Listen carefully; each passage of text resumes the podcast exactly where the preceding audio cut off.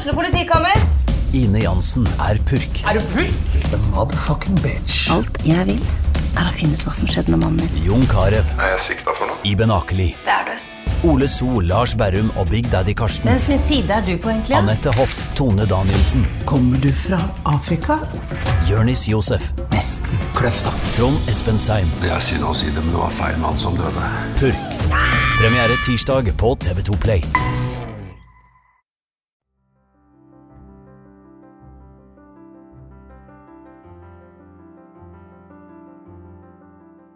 I dagens episode forteller Cecilie Bjørndal helt ærlig om hvordan livet hennes brått endra seg når hun var bare 19 år. Og i dag hopper vi rett og slett bare rett i det. Det var, jeg hadde flytta til Stavanger et halvt år i forveien. Så skulle jeg hjem på besøk for første gang etter at jeg flytta. Og så skulle jeg være der ei uke. På dag to så um, skulle jeg ta venninne.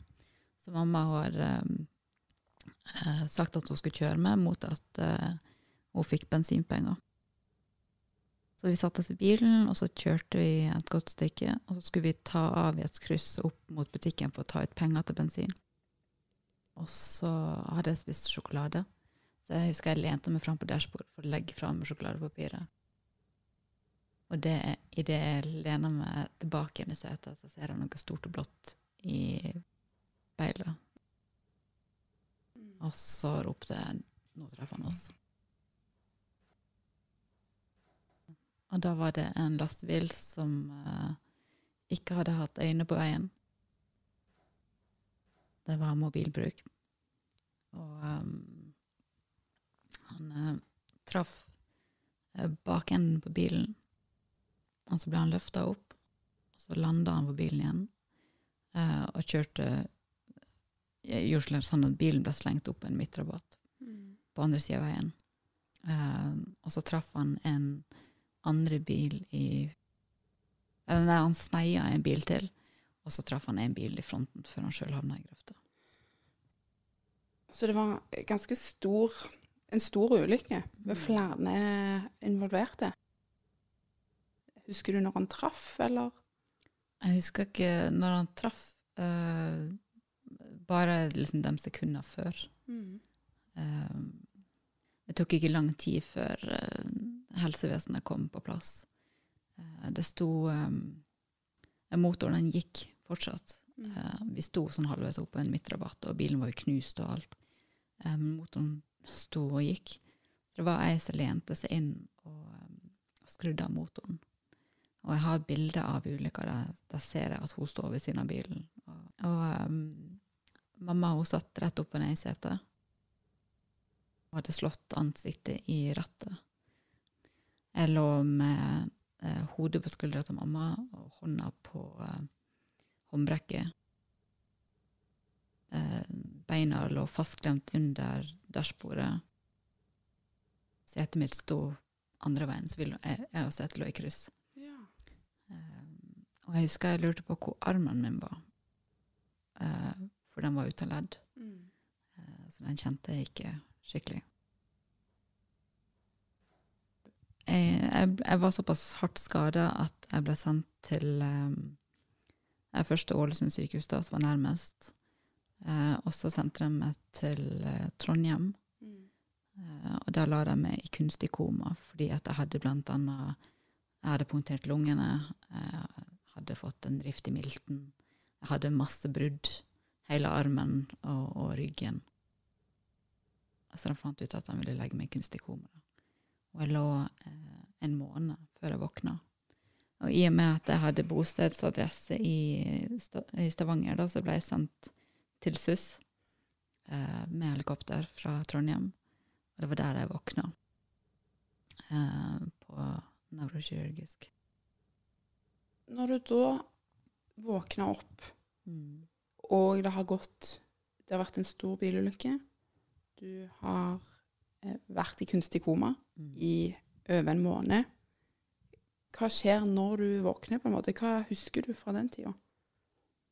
Det var nok eh, veldig tøft. Eh, jeg, jeg husker ikke veldig mye fra akkurat den tida. Nei.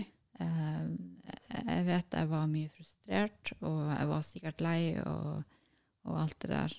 Eh, men jeg er kanskje glad for at jeg ikke husker så mye av akkurat det. Mm. Eh, Etter en stund så ble jeg sendt til um, Spinalenheten i Bergen. Mm. Spinalenheten den er, eller det er en avdeling for ryggmargskader. Jeg var der i til sammen med Alta sykehus, og til jeg var ute av spinalenheten, så var det åtte måneder. Ganske Den var der ganske lenge. mm. Eh, og der husker jeg mye mer fra. Ja. Eh, jeg var sint og lei og frustrert der også, Mm. men det var også eh, veldig gøy å få til ting. Det var veldig gøy uh, og fint å være med andre som også var i min situasjon. Eh, og alle sånne små, håper jeg å si, steg eh, var, var veldig fint å, å få til, da. Alt fra å, å kunne sette seg opp på sengekanten til etter hvert å kunne forflytte meg. Og sitte i rullestol, ikke minst, og alt det der. Det er utrolig mange sånne små delmål som må til for at du skal bli flink. Eh, og det er tungt, og det er tøft, eh, men det er det er veldig fint å komme framover. På spinalenheten, da har du jo fått beskjed om at du er lam fra livet og ned. Hvordan var det å få den beskjeden? Jeg kan godt si nå at uh, jeg tok det fint, uh, men det er rett og slett fordi at jeg tror jeg har fortrengt hele den første tida. Uh, men eh, jeg ser på bilder jeg har fra spinalenheten, så er det ekstremt få bilder der jeg er negativ på noen måte. Men jeg tror på mange måter at det hjalp å være med andre. Fordi at der er det alltid en blanding mellom nyskadde og liksom veteraner, sånn som jeg er nå, da. Og um, det, det betyr veldig mye. Jeg var sjøl på Spinalenhet nå nettopp, og da var det flere der som ikke hadde vært rullestolbruker så veldig lenge, som jeg liksom prøvde å prate med, og prøvde å liksom endre synet på et par ting, og, og det virka som det hjalp. Så eh, det er en fantastisk plass.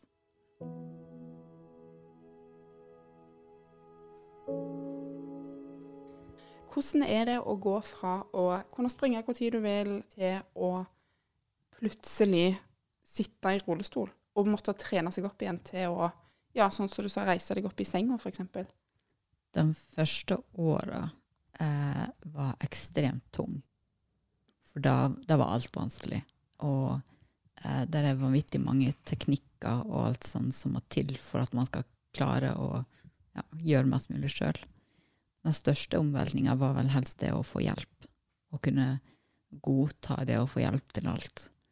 Frustrerende å ikke kunne gjøre enkle ting sjøl. Bare det å gå på do trengte jeg hjelp til. Jeg trengte altså, fysisk hjelp. Ikke bare til å komme over på do, men til å faktisk få det ut. Uh, og det, når du er liksom 19 år gammel, så er ikke det det du har lyst til å gjøre. Uh, da, sånne ting var vel egentlig mest det som gjorde meg mest lei og trist. Og som kanskje var den grunnen til at jeg var deppa over det. Eh, det er en voldsom stor jobb å måtte passe på en lam kropp. Eh, både i forhold til hvor beina står på fotbrettet, om, om man sitter riktig, om man får trykk her eller trykk der, eller fare for trykksår, så det å tømme tarm og blære til rett tid for å ikke unngå lekkasje. Altså det er ekstremt mye man må tenke på. Mm. Altså det, det var en stor omveltning. Det, det var det. Så I starten så var det opplæring på alt på spinalenheten. Eh, og så når jeg kom hjem, så fikk jeg hjemsykepleie. Det, det i seg sjøl var ganske vondt, fordi du får ingen du, du får liksom ikke bestemme så mye sjøl, verken på tid ting skal gjøres, eller hva tid de skal komme hjem til, og sånne ting. Og så kom det så sinnssykt mange forskjellige folk hele tida. Liksom det eneste jeg fikk lov til å bestemme, sånn sett, var at jeg ikke ville ha menn. Men etter hvert så fikk jeg BPA, altså personlige assistenter, Mm. og da ble livet helt annerledes. Da, da fikk jeg liksom min gjeng som jeg valgte sjøl, som eh, egentlig ble som venninne. Eh, og mange av dem har jeg kontakt med den dag i dag. Eh, en av venninnene mine var eh, min assistent, og en av naboen min vegg i vegg. For ti år siden. Ja. Så um, en annen assistent eh, sang i bryllupet mitt. Så det var Jeg har veldig, veldig mange gode minner med assistentene. Det, det var en god tid. Får du noe hjelp i dag? Uh, nei. Jeg var på Spinalenheten for fire år siden på et sånt treningsopphold. Og lærte liksom den siste grunnleggende tinga jeg trengte for å klare meg sjøl. Så nå er jeg helt selvstendig. Så jeg dro hjem, og så sa jeg fra med all hjelp. Hvordan føltes det da? ekstremt deilig å slippe å måtte være liksom sjefen til noen. Mm, det forstår jeg godt. Uh, og ikke minst bare det å kunne gjøre alle disse tinga sjøl. Man føler liksom at man lever livet på et litt annet plan.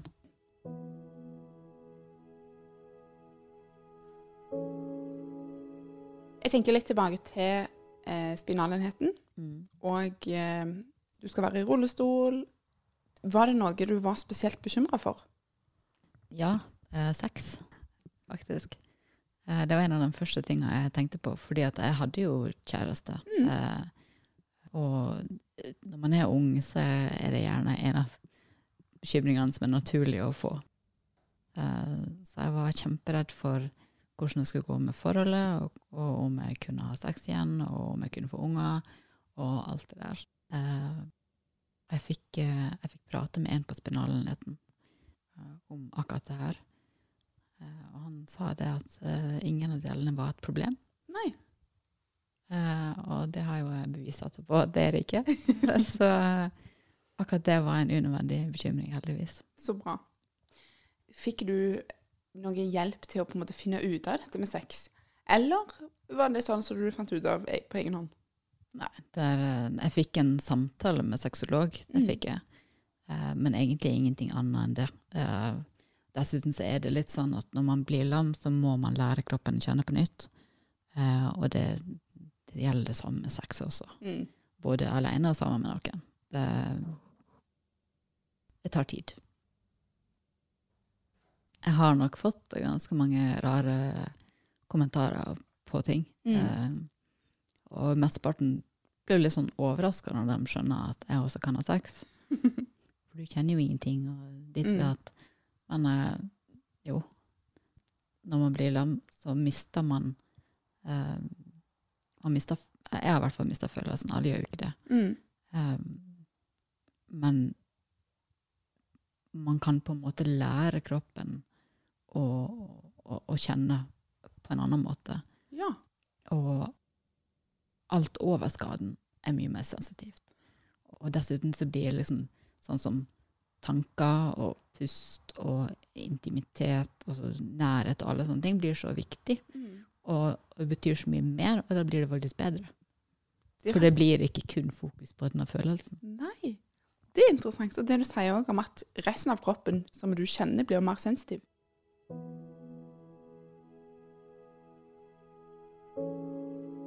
Jeg har hørt at flere som sitter i rullestol, sliter med å bli plukket opp av bussen, f.eks. Eller har vanskeligheter med å gå og shoppe i Stavanger sentrum eller rundt forbi. Er dette noe som du òg kjenner til? Eh, Nå tar ikke jeg så mye kollektivtrafikk fordi at jeg kjører bil sjøl. Ja. Jeg har hatt lappen i ti år nå. Men eh, akkurat det her med Stavanger og brostein Ja. eh, og alt sånt altså, jeg, jeg drar ikke til Stavanger lenger. Eh, jeg har bodd i Stavanger, og det er kjempefint og alt sånn, eh, men jeg er veldig glad for at jeg bor i Sandnes, for det er mye enklere å komme seg rundt. Jeg tror jeg har vært i Stavanger én gang på et år nå, for det sier litt. Det er så vanskelig å komme seg rundt. Spesielt med meg som har manuell rullestol. Mm. Jeg har motor, men det hjelper ikke så mye. For så små hjuler de fester seg fast i alt. Men uh, Sandnes, der syns jeg det er greit. Uh, og så har vi så mange kjøpesenter rundt omkring her at det er liksom ikke noe problem å få tak i det man har lyst til å få tak i uansett. Det er sant. Men du sa at du kjørte bil. Og det syns jeg er litt interessant, fordi at Mange ville jo tenkt at når du sitter i rullestol, så kan du i hvert fall ikke kjøre bil. Nei, det er rart med det. Ja. Få høre. Hvordan gjør du det? For det første så hadde jo jeg tenkt at jeg aldri skulle ha lappen. Ja. Allerede før eh, ulykka. Hvorfor? Eh, fordi at jeg syntes det var skummelt. Eh, og unødvendig. Jeg kunne bare ta bussen. Ja. Eh, men så ble jeg lam, da, og så skulle jeg ta bussen, og så var det ikke så kjekt. For ja, det er mye styr med rampe inn og ut, og hjelp og tid, og det er vanskelig å komme seg alene rundt. da. Mm. Og så sa de det at ok, du skal ha lappen, og du skal ha bil. Ok.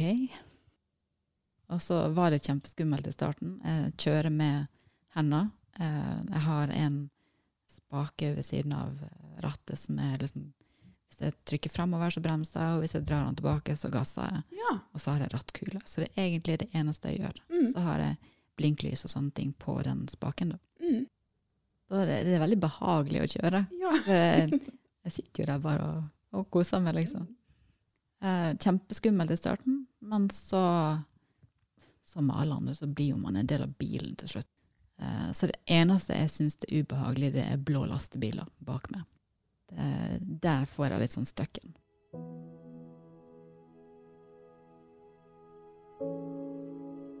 Nå er det 15 år siden ulykken. Straks, ja. Er du helt frisk i dag? Nei. Eh, jeg har vært gjennom 29 operasjoner. Eh, jeg har metall i hele høyrearmen, jeg har metall i ryggen. Jeg har en medisinpumpe inni magen, jeg har to stomier og alt sånt. Det er for så vidt eh, Jeg er frisk av de tinga, men jeg har slitt med, med ryggen. Og nå de siste fire åra så har jeg slitt veldig mye med mage og komplikasjoner og, og ting som gjør at eh, livet er litt vanskeligere nå enn hva det har vært. Er alt dette som et resultat av eh, bilulykken? Ja, ikke nødvendigvis. Eh, ikke alt, i hvert fall. Nei. Jeg har alltid slitt med magen. Mm. Men når, du- når du da kombinerer mage man har slitt med hele livet, med lamme tarmer og ommøblering og alt sånn, så, så blir ikke resultatet sånn kjempebra. Jeg skulle gjerne sagt at det går greit, men det gjør det ikke. Friheten min er ikke like stor lenger, fordi at eh, smerte og sånn begrenser mye i hverdagen. Ting er litt vanskeligere. Når man er kroniker sånn som meg, så er det litt vanskeligere å bli tatt seriøst. Fordi at eh, det ser ikke ut som jeg har vondt. Og da tenker kanskje legene at, det, at de ikke trenger å gjøre så mye. Men eh, tror kanskje at jeg ser uh, lys i enden av tunnelen nå fordi at jeg endelig har fått uh, hjelp fra andre instanser, pluss spinalenheten. Og dette med at du har um, operert flere ganger og sånt i løpet av de siste ja, snart 15 åra, er dette noe som du òg må forberede deg på å gjøre de neste 15 åra? Det, det blir nok flere. Så, sånn er det bare, holdt på å si. Eh, det skjer ting i kroppen hele tida, og um, det er jo langt ifra alle som, som har det sånn. Jeg har vært veldig, veldig uheldig. Uh, det har jeg absolutt. Noen opererer ikke i det hele tatt, mens noen får det så, sånn som jeg. Men jeg vet at det, det blir flere operasjoner, ja. Klarer du å være avslappa i den tanken? Ja, nå, jeg håper si nå har jeg gjort det så mange ganger at det, det er nesten rutine. Det Ja, er, så, du blir ikke redd av å være på sykehuset, f.eks.? Nei, nei, nei. Jeg vet ikke hvor mange måneder, dager, timer og alt sånt jeg har vært på sykehuset sammen. Mm. Men det er, det er lenge. Bare åtte måneder første, første året, liksom. Så det er nesten litt sånn at uh, litt for mange på sykehuset vet hvem jeg er. Ja. Der kommer hun igjen. Ja, ja, det er på fornavn med veldig mange. Det er litt, litt sånn at jeg, jeg har fått high five i gangene noen ganger. Nå kommer Cecilie. Yes. Og så har jeg veldig god eh, kontakt med den avdelinga der jeg våkna eh, og ble fortalt at jeg var lam. Han, eh, legen der, han er kanskje den som har operert meg mest. Og han Jeg pleier å si det, at han er litt sånn som pappa nummer to. For det, er- det er veldig trygt og fint når noen kjenner det så mye. Jeg har forsont meg med ulykker for lenge siden. Jeg er foredragsholder, selv om jeg ikke får holdt så veldig mye akkurat nå da jeg har så vondt. Jeg, har eget firma, så stort sett så er livet ganske bra. Fins det noe sånn eh, nettverk for andre som har vært i bilulykker, eller som eh, sitter i rullestol f.eks., eh, i området? Ikke sånn eh, Jo, altså det, det er jo type forskjellige foreninger, landsforeninger for, for ryggmargskade, for Mm. og sånne ting. Eh, Men jeg har eh, I 2015 så starta jeg ei Facebook-gruppe for rullestolbrukere. Ja. eh, som jeg kalte for Positivt rullende, sammen med en kompis. da. Og vi er snart 2500 medlemmer i hele landet, og vi har hatt flere sånne rulletreff i hele landet. Fy! Blant annet her, da. Så vi har vært på kafé, en hel gjeng med rullestolbrukere og sånn. Eh, så det var veldig kjekt. Hvorfor hadde du lyst til å lage den eh, Facebook-gruppa? Fordi at det er så mye negativt om det å sitte i rullestol. Og spesielt også for oss som sitter i rullestol. Det er veldig mange som dessverre er, sikkert med god grunn, bitter og lei og deprimert og syns ting er fryktelig kjipt og diskriminerende og alt det der. Uh, men i hvert fall for min egen del så blir ikke livet bedre av å fokusere på sånne ting. Så jeg ville starte liksom en, en, en gruppe der vi kunne fokusere på det positive. Altså der, der snakker vi ikke om diskriminering eller noe sånt i det hele tatt. Vi fokuserer kun på eh, å hjelpe hverandre, tipse hverandre, for det er mye man ikke vet, og rettigheter og alt sånt. Ja. Eh, og også for nyskadde, sånn som jeg var, eh, å kunne vise hverandre hva som er mulig, og få støtte og hjelp. Og det har vært over all forventning. Vi har trykt opp hettegensere som folk har fått kjøpe med logoen vår på, og jeg lager sjøl vinyltrykk som masse folk har på bilene sine med logoen vår. Stilig! Det er skikkelig sånn samhold, og det er så gøy, for det er så mye aktivitet i den gruppa også. Uh, og jeg føler jo at jeg kjenner alle sammen.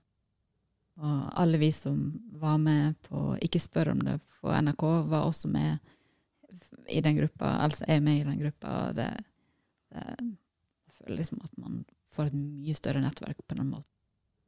Kjempegodt å høre. Jeg lurer på en siste ting. Har eh, det som skjedde ulykken, eller det å sitte i rullestol, endra noe med måten du tenker på? Ja. Det, um, livet gir mye mer mening. Uh, fordi at det, det er så mye man tar for gitt uh, når man ikke har så mye motgang. Uh, men når man, man er nødt til å gå gjennom noe så eh, traumatisk og, og sånn alt som følger med, så må man nødt til å tenke annerledes. Jeg, jeg tror det, at det er veldig viktig for meg å få frem det at det å sitte i rullestol, det er ikke verdens undergang. Man kan ha et kjempefint liv eh, likevel, og et liv med mening. Og det, det, det, er liksom, det er ikke synd i meg fordi at jeg sitter. Altså, rullestolen, den, den er min beste venn.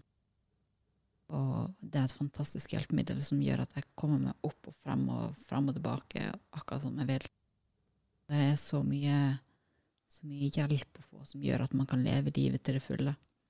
Jeg føler liksom ikke at jeg har noe som demper meg fordi at jeg sitter. Det, og det, det er veldig dumt at det er så mange som tenker liksom at at i rullestol, det er liksom verdens undergang. Det, det syns jeg er fælt, for jeg lever jo livet akkurat som alle andre. Bare at jeg sitter. Eh, Når jeg kom tilbake fra spinalenheten, eh, og etter litt tid, så eh, eh, fikk jeg kontakt med Trygg Trafikk, som tok meg inn. Eh, og gjennom dem da, så begynte jeg å holde foredrag på ungdomsskoler og videregående skoler i Rogaland. Uh, og dem har hatt en ekstremt stor innvirkning på uh, mitt forhold til ulykka og skaden, og, og livet generelt, fordi det ga meg en ny mening med livet. Da kunne jeg plutselig bruke ulykker til noe godt, uh, istedenfor at det bare skulle være en sånn ting som har skjedd, og så må jeg leve med det uten mål og mening. Jeg var litt sånn på barne- og ungdomsskolen at jeg, jeg ville ikke stå foran klassen en gang og prate. Og så kommer du liksom her og ber meg om å holde foredrag, og så bare var det dritgøy. Fordi at jeg kunne prate om noe som betydde så mye. Fordi at jeg Mitt mål er å, å få folk til å forstå hvor farlig mobilbruk er. Eller egentlig alle ting som man gjør unødvendig i bilen. Og det, det har jeg jobba hardt for å få folk til å skjønne det. Både i forhold til foredrag til både ungdomsskoler, videregående, sykepleiere, taxiselskap, politi. Altså eh, masse, masse forskjellige eh, grupper med folk. Mm. Men også i media. Jeg, jeg syns det er veldig synd at, at folk tenker at det der med mobiltelefon og alt det er så enkelt å gjøre, og at det er liksom så ufarlig. For du ser gang på gang på gang på gang at det skjer ulykker. Og det er ikke greit. For du leser om alle disse som er drept, mm. men du leser ikke om alle oss som er skada. Og det, det er fryktelig mange. Veldig, veldig mange. Uh, og alle oss som blir skada, vi må leve videre med skader. Uh, og det kunne vært unngått. Veldig mange av dem. Jeg, jeg pleier å si på foredragene mine at hvis du ser på det å ta opp telefonen som en bagatell, da føler jeg meg som en bagatell også. For da er ikke jeg viktig. Og, og du kan tenke deg, hvis du tar opp telefonen når du sitter med ungene dine i bilen, ja, da betyr ikke ungene dine så mye heller. Rett og slett.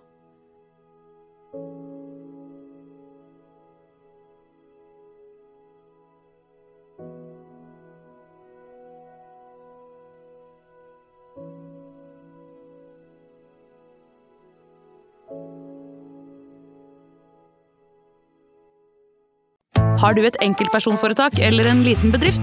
Da er du sikkert lei av å høre meg snakke om hvor enkelt det er med kvitteringer og bilag i fiken, så vi eh, gir oss her, vi. Fordi vi liker enkelt.